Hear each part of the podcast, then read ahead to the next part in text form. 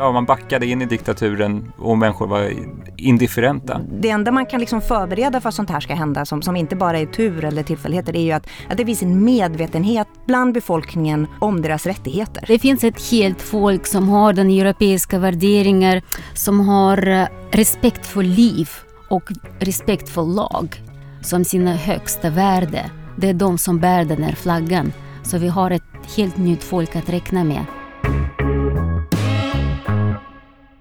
Välkommen till Frihet från förtryck, en podd om demokratiaktivism. Idag ska vi prata om landet på allas läppar, Belarus. Gäster idag är Lana Willebrandt som är programhandläggare på den fackliga biståndsorganisationen Union to Union och Amanda Valentin som är biträdande generalsekreterare på SILK och eh, eh, som har arbetat med Belarus i väldigt många år och framförallt med belarusiska demokratiska politiker. Jag heter Martin Engeby och jag är chef för SILK.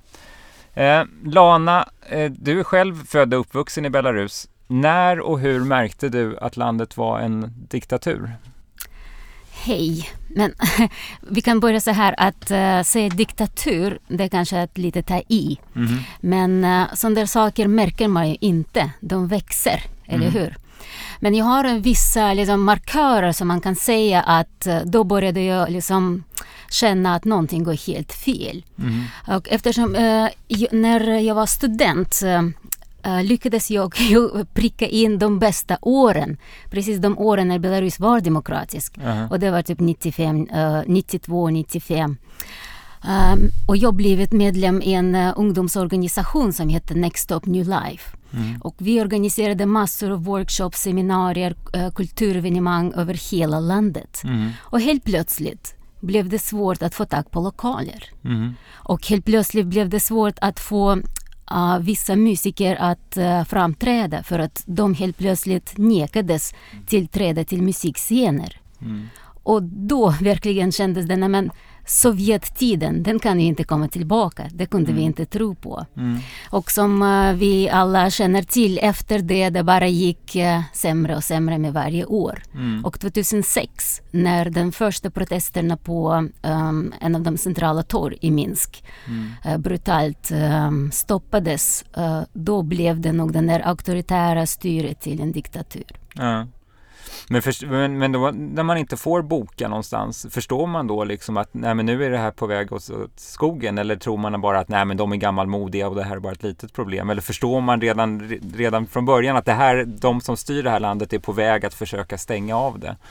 Um, det är lite blandat. Jag tror du hade rätt när du säger att den första reaktionen är att ah, men de är gammalmodiga, den, de där tanterna som sitter på kulturhus. Mm. Vi kunde ju lätt hitta andra, till exempel uh, businesslokaler och så vidare. Mm. Så det, var, det fanns ingen brist på lokaler mm. så att säga. Mm. Men uh, eftersom vi började känna att någonting var fel, mm. då gjorde vi en, um, en riktigt nyskapande grej, man kan ju säga det.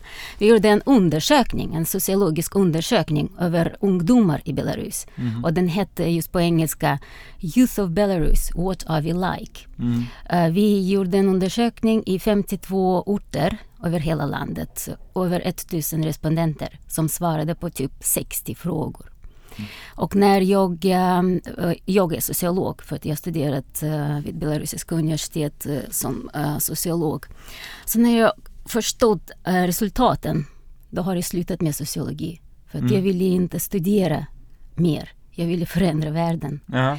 Det har helt enkelt visat sig att maximum 5% av ungdomar var liksom demokrativänliga och förändringsbenägna. Ja. Okej, tio om vi är liksom riktigt uh, mm. sån där uh, generösa ja. med hur vi värderar. Men sam samhällsklimatet var inte euforiskt och frihetstörstande då eftersom när du säger att ungdomarna inte var sådana? Så att man, ja, man backade in i, i diktaturen ja, egentligen och människor var indifferenta? Ja, det skulle jag nog faktiskt hålla med om. Mm. För att de värderingar som var högst på agendan, det var just familj och trygghet. Jaha. även bland ungdomar, vilka är helt normala värderingar. Är mm. ett normalt samhälle, mm. men inte i ett samhälle som är på väg att förändras. Ja, ja. ja, Amanda, du har ju varit i kontakt med Belarus väldigt länge också eh, och sett protester redan, jag tror att du var aktiv redan 2006 och 2010 när det var eh, protester också. Är det någonting som känns annorlunda den här gången jämfört med de tidigare liksom, gångerna som människor ändå har ställt sig upp? Ja, det enklaste svaret är att det helt enkelt är en mycket större protest nu.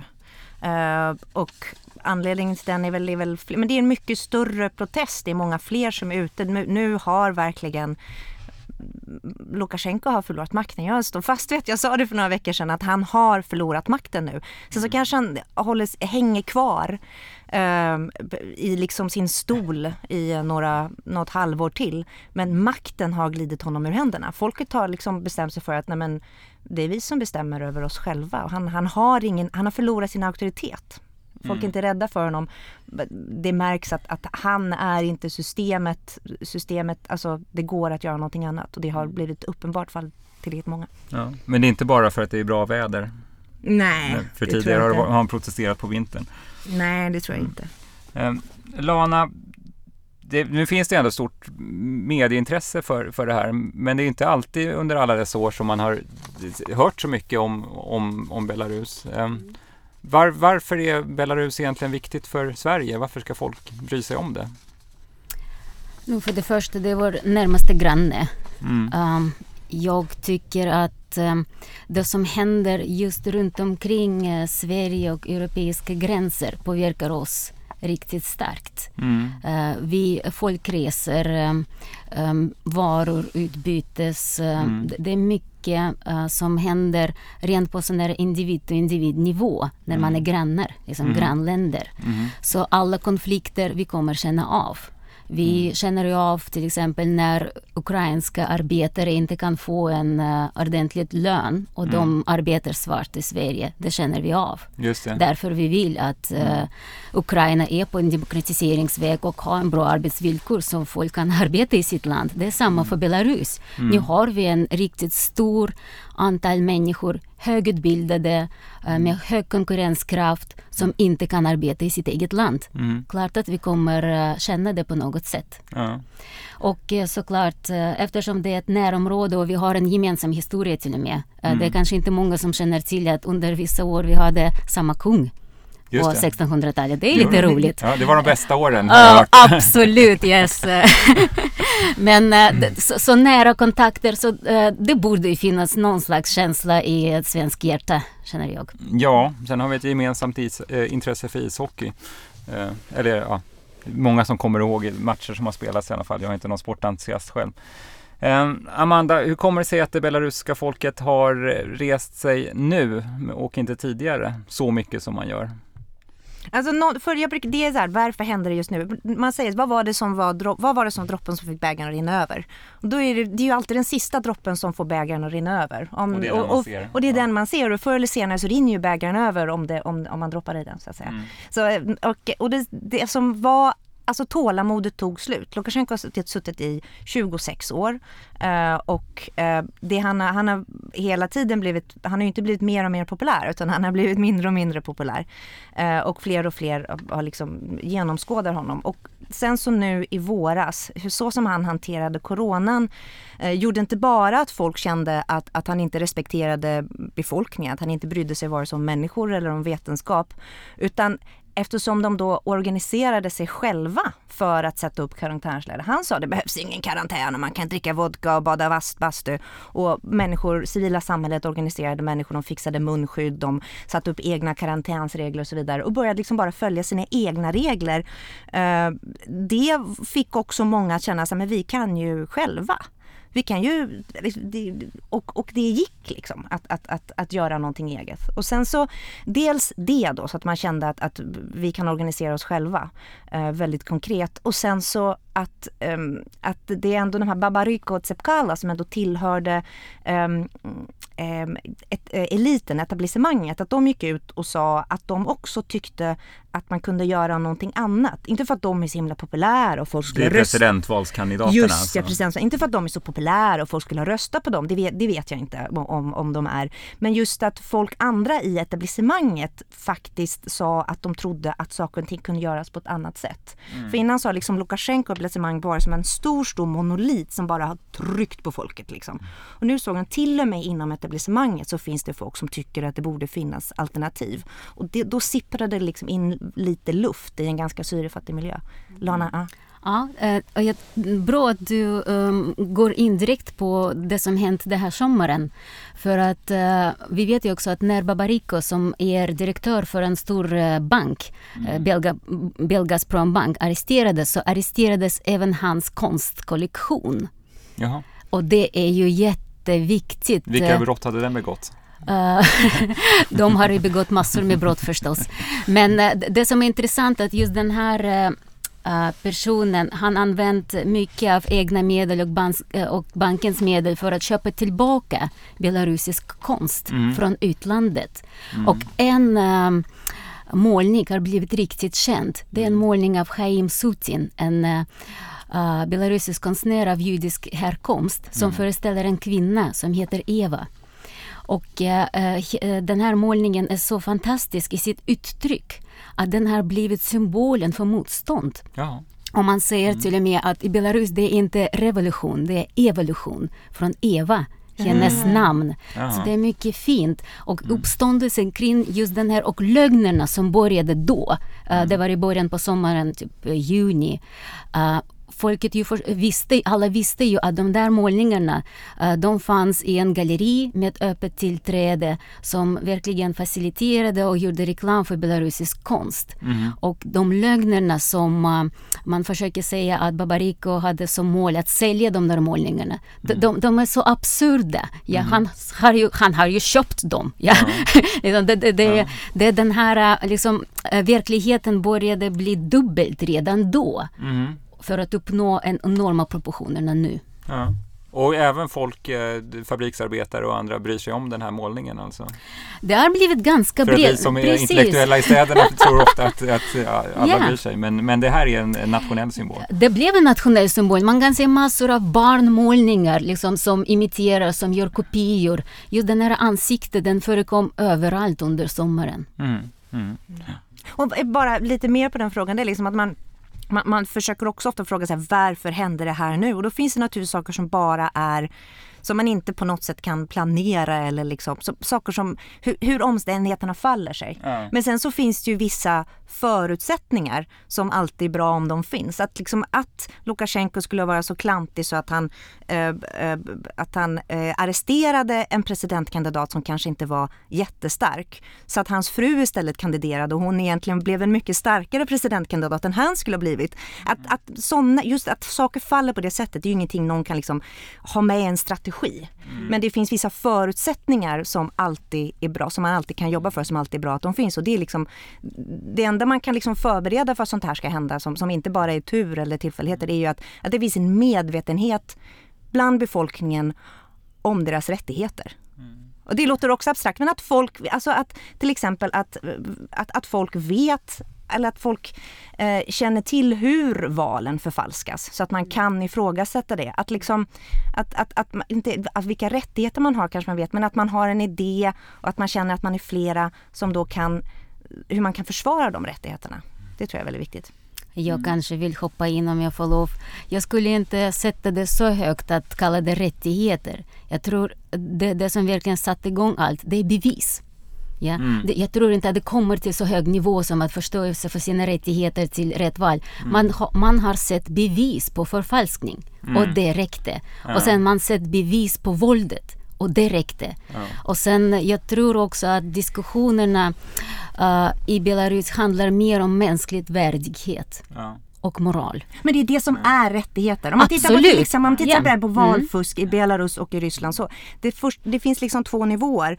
Det finns väldigt många eh, människor när man diskuterar det här med dem i, i till exempel, nu, nu, har jag mer erfarenhet av det här från Ryssland, men då tycker folk så här, ah, det där med val, det fuskas ju överallt. Och är liksom, ah, det är liksom, så är det överallt och det, de håller på de där och det, det spelar ingen roll att de fuskar, det blir ju ändå liksom, ja.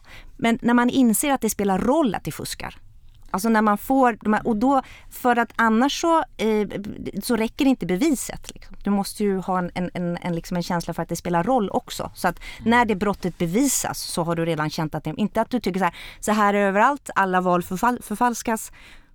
Ja, men det är väl lite det att det blir personligt också, att min röst är stulen. Precis, för, jag gick upp på söndag Mm. mor- morgon och jag var Mm. trött och jag gick dit och röstade och sen så märker jag nu att den inte har blivit rä- räknad. Ja, alltså min röst. Och, och, men ja, människan har ju ett naturligt eh, rättspatos. Ja, Men, men arrogansen, jag skulle Mm. nog använda Ja. det ordet också. Ja. Att det var, eh, förfalskningen blev så Mm. arrogant. Ja. För att jag tror man skulle kunna så att säga äta upp liksom, Mm. förfalskning om det var Mm. lite mindre arrogant. Mm. Som Just det. vanligt. Då kan man Ja. säga att men allt förfalskas ju hela tiden. Mm. Men lite grann, kanske Mm. finns den där majoriteten ändå. Ja. Men här var, blev det så tydligt nej. Men man, man hade ju val för inte så länge sedan i Belarus. Var det parlaments eller var det lokalval? Spelar roll. Ja, precis. Men, nej, men det sen, i det senaste valet så, så märkte ju vi då att, att, att fuskandet var mycket mer flagrant än vad det var. Det var demonstrativt fusk för att visa att det är ingen idé att ni försöker med någonting annat. Och det kanske är den typen av provokation egentligen som inte var strategiskt riktig. Utan de, alltså, de borde kanske ha låtsats lite mer eh, så att säga. Precis. Och, det, ja. det blev eh, liksom syd med eh, fel tråd. Men för för det jag menar, när man, när man, när man har, när man, när då som valövervakarna gjorde nu och som de gjort under, liksom byggt upp under många val, en förståelse för hur val fungerar så att fler och fler har kunnat se att det förfalskas och fler och fler har liksom, att, det, att, att, att man ändå kunnat hitta bevis för det, har ju gjort att, att man som medborgare kanske känner till slut att det inte bara är någonting, någon teater som de där politikerna håller på med där borta.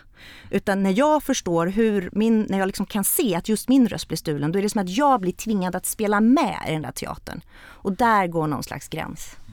Nu vill jag gå vidare ehm, och vi var lite inne på det här. Alltså den här revolutionen har ett påtagligt kvinnligt ansikte. Man ser många av de ledande företrädarna är kvinnor. Eh, och även i det förra presidentvalet där det för första gången fanns ändå en kandidat som var något av en utmanare som i, i inofficiella siffror fick upp mot 30 procent av rösterna, Karatkevich, så var det också en kvinna som lyckades utmana makten. Är, är kvinnans liksom, är, är, är, är, är Belarus ett land där kvinnor traditionellt eh, tar mycket plats och det att, det, att det är därför som man lyckas? Eller är det någon annan anledning att den här revolutionen eller den här resningen har ett kvinnligt ansikte? Vad säger, vad säger du Lana? Jag har följt de där diskussionerna för att även i Belarus diskuterar man det här Mm. med uh, styrkan i kvinnan. Och då skulle vi säga ändå att i Belarus, kvinnor har alltid haft framträdande roll i strävan för demokrati Mhm. och för eh, nationell renässans. För Mhm. att redan i början på 1900-talet, den där belarusiska identi- identiteten, den kom starkt i, inom poesi, inom konst med eh, kvinnogestalter. Ja, Mm. och eh, kvinnliga poeter, som Tjötka till exempel, hade Mm. en stor betydelse, och, men flera andra. Mm.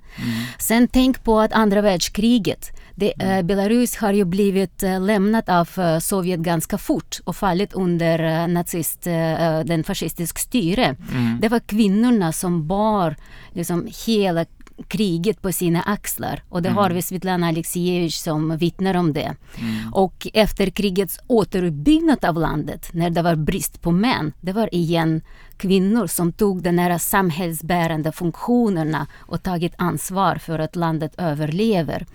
Så, aha, och om vi kommer till eh, den här eh, 90-tal, 00-tal, hela det stora och breda civilsamhällsrörelse, det är kvinnodominerat. Mm. Det är bara politiken som inte släpper kvinnorna fram, eller hur? Precis, och det, det tycker jag är någonting som är, jag tror att anledningen till att det rent eh, eh, imagemässigt eller vad man ska säga så har, så har makten är så maskulin. I, alltså Lukasjenko är så maskulin. Dessutom gör han massa idiotiska sexistiska uttalanden. Så att liksom att vara mot det är att, att, att, att vara eh, tolerant och, och liksom ha en, vara jämställd blir liksom också ett ställningstagande mot Lukasjenko som person. Men kanske framförallt för att makten är så himla maskulin och så militärisk. Lukasjenko skulle aldrig ställa sig på en bild tillsammans med en man i militäruniform utan att ha en, en större och finare militäruniform på sig själv. För, milit- så, så därför så en kvinna kan stå eh, f- för en helt annan typ av makt som blir attraktiv på ett helt annat sätt. Och sen så tror jag också att, man, att makten, eftersom den är så maskulin, att den underskattar kvinnor. Så, att, så att den har inte på samma sätt försökt begränsa deras möjligheter att arbeta. För de tror att ja, men det där är, är, är fruntimmers eh, göra, så att säga. Det där behöver vi inte bry oss om. Och ja, vi kan också lägga till att det finns en sån här positiv diskriminering. Vi vet att det är män som blivit mest misshandlade och svårast misshandlade mm. i de där protesterna. Mm. Så uh, den möjligheten för när kvinnorna har visat att man kan komma ut mitt på dagen och inte bli liksom, torterad, misshandlad. Det gav den här andra vinden i hela proteströrelsen. Mm. Så det, det finns uh, tidigare även, man pratade mycket om att eh, kvinnor positivt diskrimineras och negativt diskrimineras beroende mm. i vilka samhällsområden eh, um, liksom, de mm. verkar. Mm. Mm. Så det är en ganska komplex bild av kvinnornas ställning i Belarus. Mm. Ja, Amanda, säg en grej som vi kommer komma ihåg, som vi kan ställa ut på museum från, från den här folkuppresningen om 20 år. Nu kommer jag säga det allra mest uppenbara, det är den här vikta valsedeln som är vikt som ett dragspel. Uh-huh. Berätta det mer. är en grej. Vad var det för grej? Var det? Eh, det var ju att, det som Lana sa det här om att när liksom lögnen blir så uppenbar, någonstans går gränsen hur mycket man kan spela med i en lögn. Eh, eller hur mycket man kan låtsas tro på en lögn för att man tror att alla andra låtsas att de tror på det. Eh, och då när folk röstade för sitt land i Tikhanovskaja så var det väldigt, väldigt många som vikte sitt, sin valsedel som ett dragspel. Och valurnorna är ju genomskinliga. Så då stod jag där och jag hade lagt, jag la i min valsedel och där stod du och du var valförrättare. Jag visste att du ska räkna de här rösterna och presentera ett protokoll senare i, i, idag. Och båda två tittar på den här urnan. Båda två tittar på den här urnan och ser att den är proppfull med valsedlar som är vikta som min valsedel. Så både du och jag ser att, och då blir det liksom svårare för dig att sen klockan åtta på kvällen eller klockan tio när ni nu räknar klart, komma ut och säga att det var 97 procent för Lukasjenko. För vi såg att det inte var det i urnan. Det blir svårare att ljuga när det blir så. Så just det sättet att eh, det var himla coolt. Så mm. det är nog grejen. Vad, är, vad tror du är grejen som vi kommer ställa på ett podium om 20 år när vi pratar om, om, om den här sommaren? Till min egen förvåning så svarar jag att uh, det blir den här vit, uh, röd-vita flaggan. Uh -huh som kommit ur glömskan, som mm. kommit ur uh, folkets förråd. Mm. som behållits där under alla dessa år. Mm. Från uh, början av 90-talet när den här flaggan var den officiella flaggan.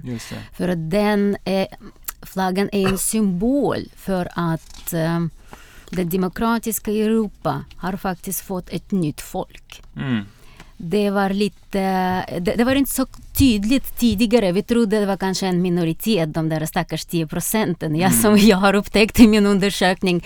Men det är inte så. Det finns ett helt folk som har den europeiska värderingar, eh, mänskliga värdighet, värdighet eh, som har eh, respekt för liv mm. ja, och respekt för lag som sina högsta värde. Det är de som bär den här flaggan.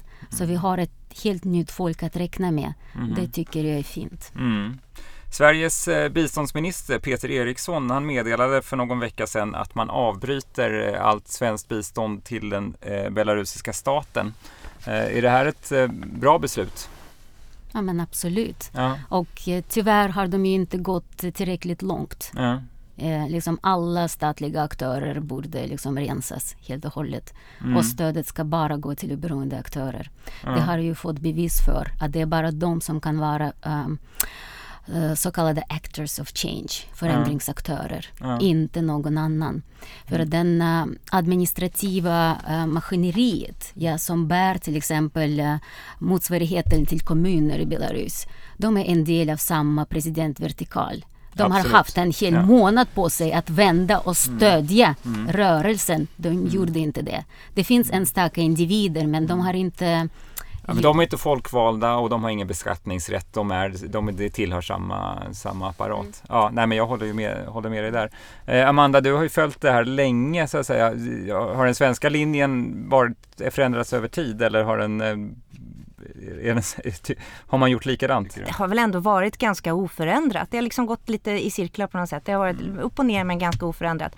Jag tycker det här med, med stöd till statliga aktörer, i det här läget så är det definitivt rätt att man liksom drar in det. Men samtidigt kan det inte vara så enkelt att bara för att land är diktatur så ska man inte samarbeta någonting med några halvstatliga aktörer alls. För även i länder som är auktoritärt så kan det finnas liksom i alla människor som jobbar för myndigheter är inte onda. Så det kan ju finnas rimliga samarbeten med, för att, och, och, när man då störtar diktatorn så kan man inte bara avskeda precis alla som sitter i statsapparaten utan de kommer jobba kvar där. Så vissa typer av samarbeten kan man säkert ha. Men i det här skedet är det ju klart att allt ska bort. Ja, Peter Eriksson sa att vi har upptäckt att det här är att man inte bryr sig om folket. Eh, men det, det gjorde man ju inte 2010 heller och, och så vidare. Så att, ja, jag vet inte, det är, samtidigt är det väldigt väldigt svårt tycker jag. Och, ja, och, eh, de har en, en statsbudget redan och man undrar hur mycket extra nytta de svenska medlen gör i det här och hur mycket man bidrar till statens legitimitet. Men det är en, en pågående diskussion. Lana? Precis, men jag tror det är också kanske viktigt att inse att tidigare det var mycket lättare att blunda ja, för mycket. Mm. För till exempel när, även när liksom Sverige motiverar uh, bistånd till att okej, okay, politiska fångar släpptes ju 2015. Men det har ju kommit nya politiska fångar under perioden. Ja? Mm. Och sanktionerna inte återinfördes. Mm. Så här finns det också inte riktigt konsekvent agerande. Mm. Men regimen har ju blivit mildare under de senaste mm. fem åren. Ja. Och eh, civilsamhället kunde växa till. Mm. Och det är därför vi ser eh, också den här möjligheten idag mm. att um, uh, att faktiskt uh, folket fortfarande mm. har en chans mm. att uh, övervinna det här. Mm. Ja. ja. det är mer för mer och mindre för mindre. Det är ju en ganska, ganska bra princip. Eh, det finns enormt mycket att prata om, eh, men vi kan inte borra i allt. Eh, för att avsluta, kända belarusier är till exempel Mark Chagall, Alexander Rybak, Svetlana Aleksevich och den gamle sovjetiska utrikesministern Andrei Gromyko. Finns det några andra författare eller konstnärer som folk bör kolla upp nu? Vad hette den som målade Eva? Den här tavlan måste ju folk titta på. Haim Sutin, Eva. Ja, ja. ja. Uh, absolut. Mm. Ni vet när han dog under um, kriget uh, i Paris. Mm. Det var Pablo Picasso som gick efter hans uh, kista. Jaha. Så han mm. var det enda som vågade så komma Haim ut. Sutin, så det stavas C-H-A-I-M. Så vi kan skriva det någonstans. ja, precis. Men uh, du hade en konstigt lista, känner jag, på kända belarusier. Sånt som alla känner till tänkte jag. Fyra namn som alla känner till. Jag vill lägga till också. Jag tycker ja. eh, Vasil Bykov är en mm. författare som man definitivt kan läsa. Mm. Uh, han har skrivit väldigt, uh, han, har, uh, han är nästan, eller han är väl en, ja den mest, han är översatt till svenska också. Mm. Veteranen är en bok som känns väldigt aktuell som han har skrivit som handlar om en person som är lite missnöjd med livet och, och det slutar med att han blir en sån där Amon, insatssoldat som slår demonstranter. Mm. nu skulle jag kanske inte säga hur boken slutar, det spelar inte så stor roll men det är en bra bok i alla fall. Ja. Den finns på svenska. Ja. Ja, det finns flera. Um, det finns uh, både poeter, till exempel Dmitrij Strotsev i uh -huh. översättning av uh, Dmitrij Plax och utgiven av Ramos förlaget. Så uh -huh. det finns böcker. Uh, Boris Petrovich, uh, han, uh, det är en författare, han skrivit en bok 2010 som handlade om protester 2006 som heter Torget och som beskriver en kärlekshistoria i revolutionens tecken Uh, rätt så spännande om man vill uh, känna hur det känns inifrån. Mm. Och så förstås uh, Vladimir Neklyajev, Brev till Volga och friheten av Midsommarförlaget som beskriver eh, sina brev när han suttit i fängelse till sin kära fru. Mm. Ja, jag skulle vilja tipsa om en bok på Silk förlag som heter Kontroll skriven av Tobias Ljungvall. Den är, börjar få ett par år på nacken den här boken men den förklarar väldigt bra hur det gick till när Belarus ble, blev en diktatur eh, från att ha varit inom en frihetstid. Ja, du har lyssnat på Frihet från förtryck. Vi är klara för idag. En podd om demokratiaktivism och biståndspolitik. Vi är SILK, Svenskt internationellt liberalt centrum och vi arbetar med demokratibistånd, fria val och utvecklingsdebatt. Eh, den här podden har finansierats av stiftelsen Karl Staffs fond för frisinnade ändamål och av dig som är skattebetalare vars pengar har insamlats av Skatteverket, utdelats av regeringen till Sida, vidare till en organisation som heter Forum SIV som i sin tur har tecknat avtal med oss. Klippning Gustav Edman. Följ oss på Facebook, hitta fler avsnitt på www.silk.se podd. Och kom ihåg, utan demokrater blir det ingen demokrati.